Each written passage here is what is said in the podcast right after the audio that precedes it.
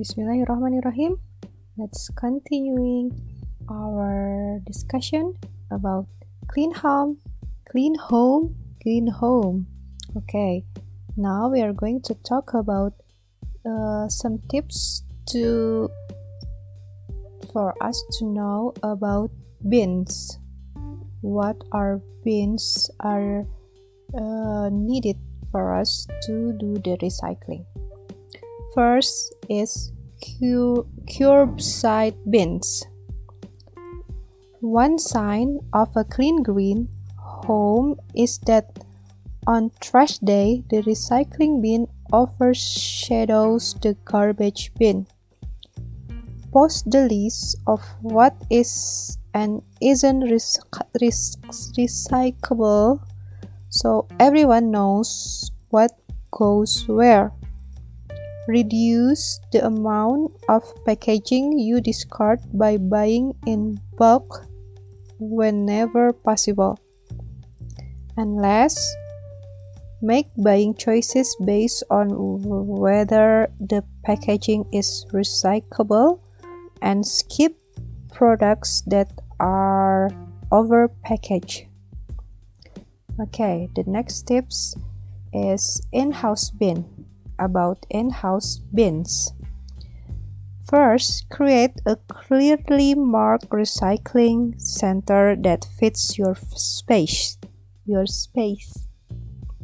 Then, if your program requires you to sort items, create separate containers for paper, plastic, or metal and then make sure the containers are large enough that they won't overflow or if space is limited create a schedule to a schedule to empty them with midweek before they are a chance to overflow last wash the containers with a hose and soap once a month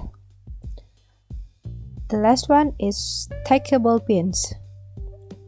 Stackable bins may fit better in small spaces or for garage recycling centers. Position the bins position the bins so they require the less effort to get to and won't be blocked by cars, boxes, or other items. To make it even easier, leave a tray on a kitchen counter for people to put risks, risky, risk, recyc, risky, recyclable, during the day and then take them out to the bins after dinner each night. Thus, this cut down on trips to the bins and ribs from the kitchen. Okay, that's all for the tips. I hope it's gonna be useful for us to do the recycling. See you again on the next episode. Wassalamualaikum warahmatullahi wabarakatuh.